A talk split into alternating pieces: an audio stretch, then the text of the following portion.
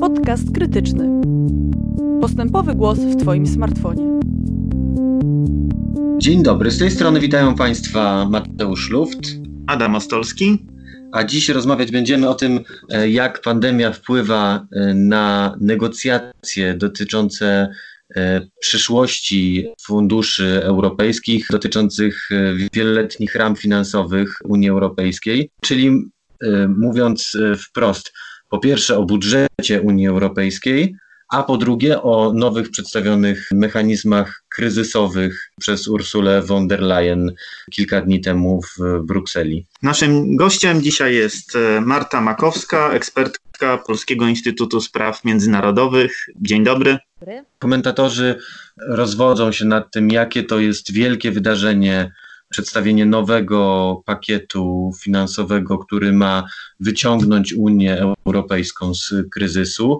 To są duże pieniądze w formie kredytów y, i w formie y, bezpośrednich dotacji na działania w krajach y, członkowskich. Polska jest jednym z większych beneficjentów tego programu. Czy podziela Pani ten zachwyt, że to jest faktycznie duże wydarzenie i duży krok w stronę integracji europejskiej?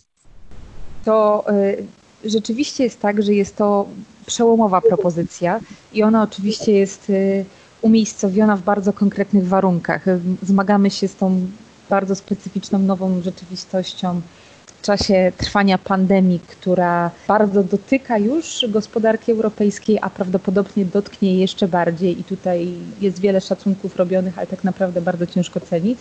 Natomiast myślę, że zachwyty i takie pozytywne przekazy też warto na chwilę zachować do czasu, kiedy rzeczywiście państwa członkowskie y, porozumieją się ostatecznie co do, co do kształtu tego budżetu i dodatkowej propozycji połączonej z budżetem, która, która łącznie opiewa na kwotę ponad 1,8 y, biliona euro. To jest ogromna kwota. No ale ponieważ wiemy, że negocjacje budżetowe jeszcze przed pandemią trwały prawie dwa lata, pandemia bardzo mocno nimi wstrząsnęła, ale też zanim y, ten wirus dotarł do, do Europy, to byliśmy tak naprawdę w martwym punkcie negocjacyjnym, ponieważ istniał szereg sporów pomiędzy różnymi grupami państw, tak krótko przypominając przede wszystkim o wielkość budżetu. Jedne państwa uważały, że to, co komisja zaproponowała dwa lata temu jest za duże, inne uważały, że jest sam raz, a mogło być jeszcze większe. Tego, na co w ogóle Unia ma pieniądze wydawać, w jakich wielkościach, w jakich proporcjach i też takie y, mniejsze dyskusje, teoretycznie mniejsze, ale ważne dla Polski, jak na przykład spór o powiązanie funduszy unijnych z praworządnością. Zanim przejdziemy do szczegółów negocjacji, czy możemy powiedzieć, co jest w tym y, pakiecie y, proponowanym przez von der Leyen? Właściwie co to jest ta tak. propozycja? Więc komisja zaprezentowała propozycję, która mówi, że wieloletnie ramy finansowe, siedmioletnie na lata 2021-2027 27 mają wynosić 1,1 biliona euro plus dodatkowo miałaby Unia Europejska przeznaczyć nowe środki w wysokości 750 miliardów euro w ramach takiego programu nazwanego Przyszłe Pokolenie. I ten program jest wyodrębniony z budżetu, jednak będzie przedmiotem też negocjacji budżetowej. Stąd mówiąc skrótowo bardzo, wszystkie państwa członkowskie muszą się porozumieć co do jego ostatecznego kształtu. I on, inaczej niż ten podstawowy budżet 1,1 biliona euro, e, nie będzie finansowany głównie ze składek członkowskich państw, o co zawsze są spory, ponieważ e, no, polityczne spory, ponieważ jedne państwa chcą ułożyć pieniądze, inne chcą ułożyć tych pieniędzy mniej, ale byłby, on byłby finansowany z długoterminowych obligacji zaciągniętych przez Komisję Europejską w, e, na rynkach finansowych w imieniu całej Unii Europejskiej. Były to pożyczone pieniądze od rynków finansowych, które następnie Unia Europejska by spłacała. I tutaj na razie Komisja Europejska zastosowała taki, taki zabieg, że nie proponuje sposobów dokładnych spłacania tych pieniędzy, ponieważ uważa, że jesteśmy na takim etapie też y, kryzysu gospodarczego, y, że musimy szybko działać, musimy szybko porozumieć się co do tego, że potrzebujemy nowych pieniędzy i te pieniądze przeznaczyć Unii Europejskiej na bardzo konkretne cele pomóc konkretnie państwom, które, które zmagają się z licznymi problemami. Natomiast dyskusja o tym, w jaki sposób te, te pieniądze będą spłacane, roz, tak naprawdę jest przesunięta w czasie. Komisja ma taki pomysł, żeby w ogóle spłata długu rozpoczęła się dopiero w 2028 roku, czyli już po tej perspektywie finansowej i że ma potrwać do 30 lat, czyli mówimy tu w ogóle o perspektywie do 2058 roku. I to jest, to jest bardzo ciekawe, bo, bo to jest y, taki kompromis trochę. Oczywiście zobaczymy jeszcze, jak to na Radzie Europejskiej w gronie właśnie przedstawicieli państw członkowskich ostatecznie zostanie odebrane, jak to zostanie zniuansowane i ewentualnie odrobinę zmienione, ale to pozwala w tej chwili nałożyć pewien bardzo konkretny plan wydatkowania, zgodny oczywiście z priorytetami unijnymi, z tymi wszystkimi planami Zielonej Europy, cyfrowej transformacji i dodatkowymi potrzebami. Natomiast te długoterminowe obligacje dają więcej czasu na to, żeby też instytucje unijne, w tym oczywiście Komisja, y, namówiły państwa członkowskie, bo taki jest też plan, żeby te y, ostatecznie y, długi nie były spłacane przez państwa członkowskie z, z własnych środków, bo państwa tego nie będą, nie będą ochoczo tego, tego chciały robić, Natomiast, żeby były finansowane z, z tak zwanych zasobów własnych. W budżecie unijnym funkcjonuje taki, takie pojęcie, to tak naprawdę są wpływy do budżetu. Chodzi o wpływy inne niż, niż składki członkowskie i one mogą być na przykład z nowych podatków. I jak wiemy, te dyskusje o różnych podatkach w Unii Europejskiej, czy podatku cyfrowym, czy podatku lotniczym, czy granicznym podatku węglowym, czy od transakcji finansowych, one trwają, trwają już wiele lat i komisja chce wykorzystać taki. Rozumiem, że to jest sposób e, częściowo na odłożenie pewnych e, dyskusji. Trudnych dyskusji. Też tych trudnych dyskusji na później. Tak. E, zrobienie pewnego Ale kroku. nadanie im większego priorytetu jednocześnie, ponieważ jak już te długi mamy, to mhm. mobilizacja do spłacania tych długów właśnie w taki sposób, a nie za pomocą własnych pieniędzy pochodzących z, z narodowych z narodowych budżetów y, może być właśnie skuteczniejsze nakłonienie tych państw do zgody, bo jeśli chodzi o podatki w Unii Europejskiej, również decyzje podejmuje się jednomyślnie, więc musi być zgoda wszystkich państw, mhm. żeby nałożyć jakiś podatek na poziomie europejskim. W związku z y, projektem wspólnego y, zadłużenia się Unii Europejskiej pojawia się wiele pytań, a pierwsze pytanie, które się narzuca, dotyczy tego, co to właściwie znaczy, że nie mówimy o obligacjach e, zaciąganych e, czy emitowanych przez Europejski Bank Centralny dla strefy euro, czyli nie mówimy o euroobligacjach, tylko o wspólnym długu e, wszystkich państw Unii Europejskiej? Jaką to robi różnicę? Czy to jest szczegół, czy to ma duże znaczenie? Dla takiego państwa jak Polska to ma ogromne znaczenie z tego faktu chociażby, że nie jesteśmy w strefie euro. Jest to taki rodzaj solidarnościowego mechanizmu, jednak ogólnounijnego, nie ograniczającego się tylko do tych państw, które tę wspólną walutę posiadają. Oczywiście to wymaga pewnych innych mechanizmów, to między innymi wymaga na przykład zgody parlamentów narodowych każdego państwa, żeby te długi, żeby ten mechanizm w ogóle uruchomić. Przełomowe rozwiązanie, które do tej pory nie miało, nie miało w ogóle e, racji bytu w Unii Europejskiej, chociaż oczywiście gdzieś w debatach, w dyskusjach, czy w przypadku poprzedniego kryzysu finansowego e, zapoczątkowanego w 2008 roku też się pojawiło.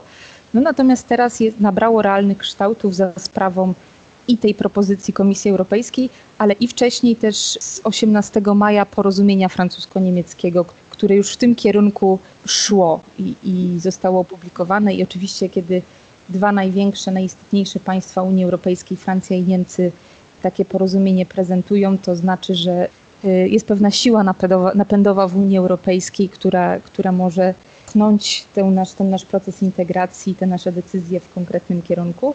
Chociaż oczywiście są też państwa, które są bardziej sceptyczne wobec tak dużego poziomu zaciągania długów wspólnych, czy zbyt liberalnego podejścia do sposobów na przykład wydatkowania potem tych pieniędzy, bo to też osobna, osobna dyskusja. Więc czeka nas bardzo intensywna debata w nadchodzących miesiącach na poziomie przywódców państw członkowskich. Rozumiem, że nowa propozycja wykracza poza e, tą e, magiczną granicę 1% unijnego PKB, E, budżetu Unii Europejskiej i czy to oznacza, że ogólny budżet Unii Europejskiej y, zwiększa się, że można stawiać zupełnie inne cele, na przykład dotyczące Zielonego Ładu czy gospodarki cyfrowej, czy y, ta nowa propozycja jest y, tak ograniczona, tak skrojona, tak wąska, że nie, nie wprowadza tutaj żadnej jakościowej zmiany?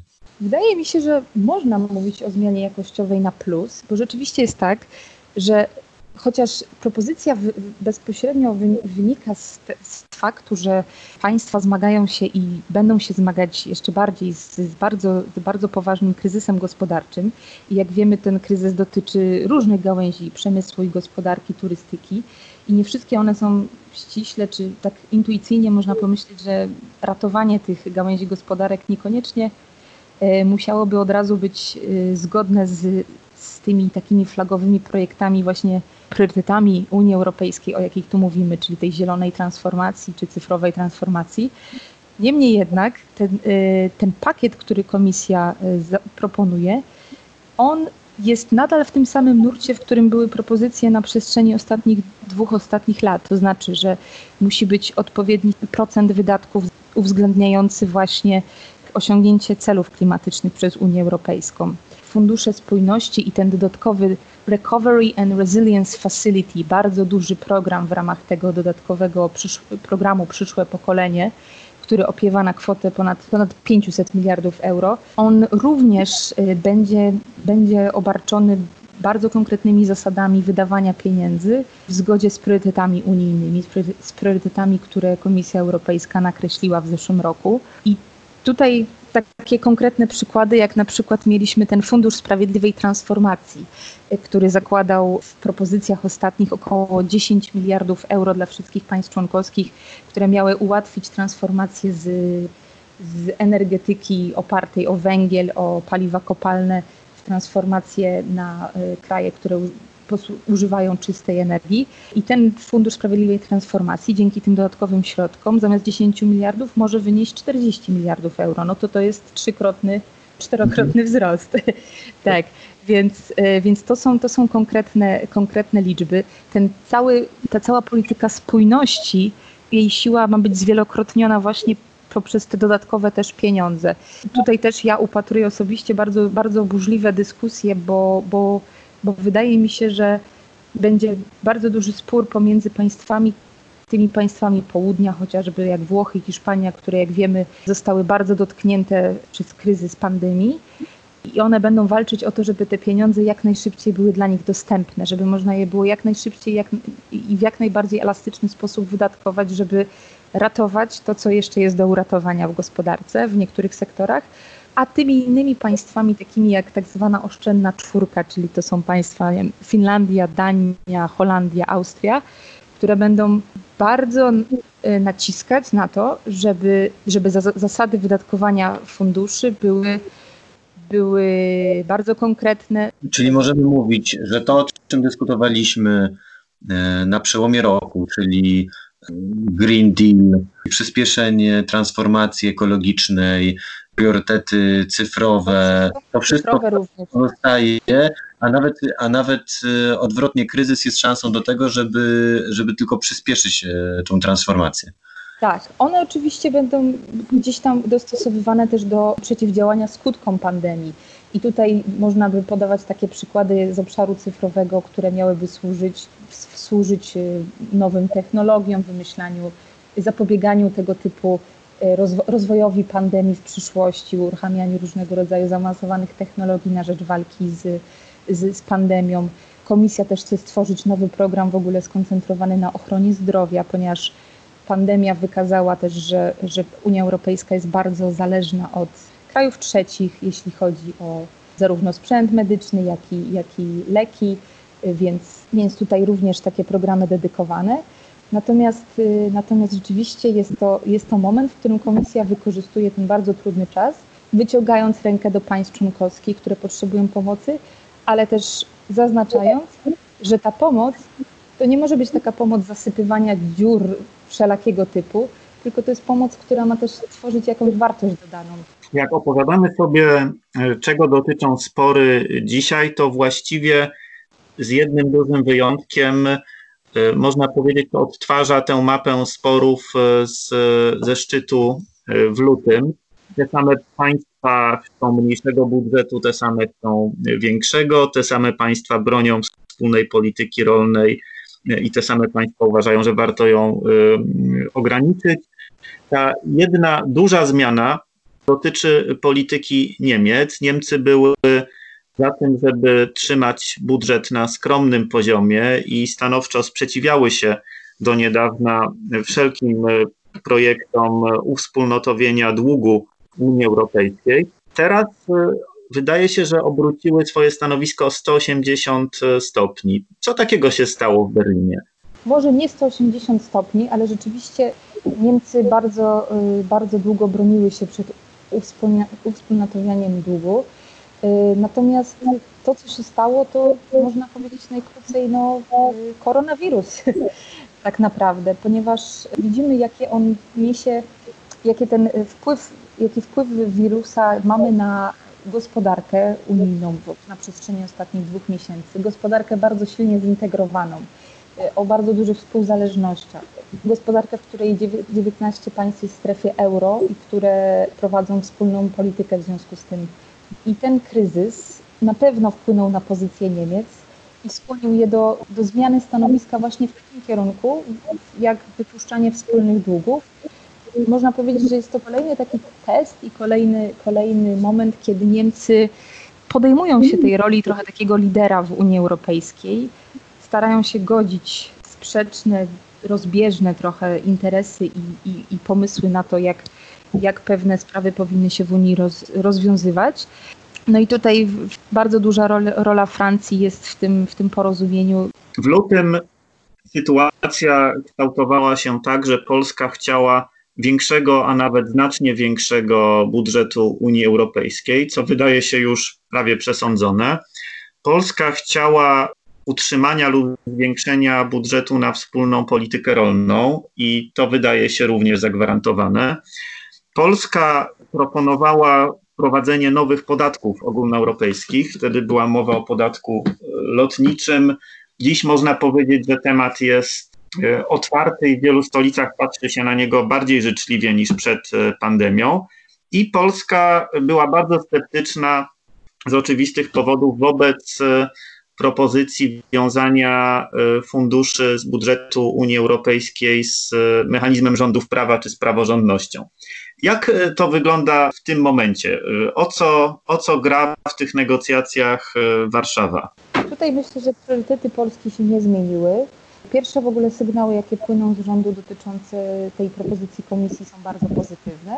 Dlatego też, że Polska również w ramach tego nowego, powiększonego budżetu jest przewidziana jako jeden z większych beneficjentów, trzeci, być może czwarty, to zależy od różnych, od różnych obliczeń. I to jest dla Polski dobra wiadomość. Natomiast te stare spory, stare problemy pozostają. Praworządność jest nadal przez, w propozycji komisji wpisana i będzie na pewno przedmiotem, przedmiotem y, sporów politycznych. Oczywiście możemy się zastanowić, czy, y, czy dynamika tych negocjacji w obliczu narastającego kryzysu gospodarczego nie zmieni się jednak i państwa nie, nie będą bardziej skłonne do, do, do ustępstw. Można też spekulować, że ten, ten, ten wątek praworządności w, w, ramach, w ramach budżetu unijnego on zostanie lekko rozwodniony, to znaczy to będzie taki, tak napisany, napisane przepisy dotyczące praworządności, że będą one akceptowalne dla wszystkich państw członkowskich również tych, które, które zgłaszały wcześniej sprzeciw, no to, to, to na pewno będzie przedmiot dyskusji.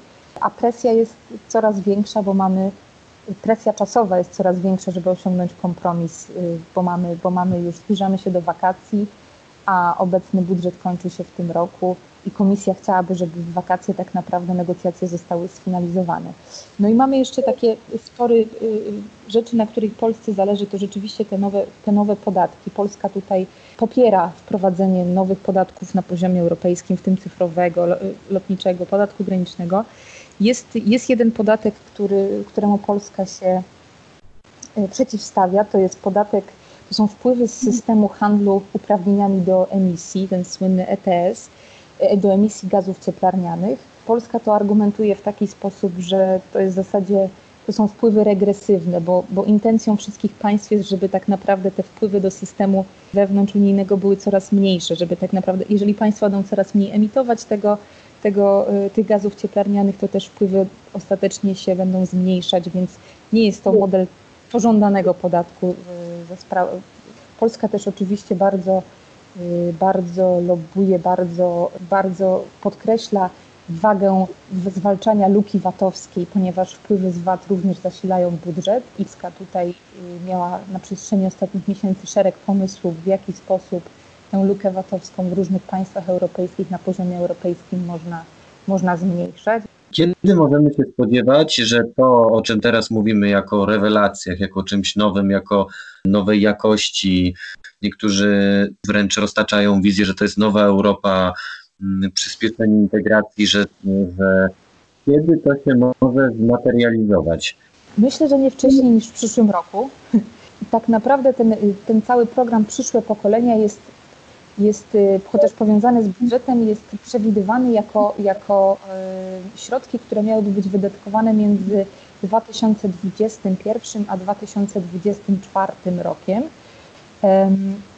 Natomiast no, oczywiście diabeł tkwi w szczegółach, ponieważ dopiero kiedy negocjacje się zakończą, y, dopiero kiedy, kiedy parlamenty, tak jak mówiłam, Parlament Europejski jeszcze tutaj mamy, mamy tutaj parlamenty y, narodowe, które muszą wyrazić swoją zgodę. Co do różnych szczegółowych projektów, rozporządzeń, które będą, które będą y, decydowały o tym, w jaki sposób te pieniądze szczegółowo się będzie wydawało, no to jeszcze kilka miesięcy. W takim razie pozostaje nam trzymać kciuki za dobre wiadomości. Naszym gościem była Marta Makowska, ekspertka Polskiego Instytutu Spraw Międzynarodowych.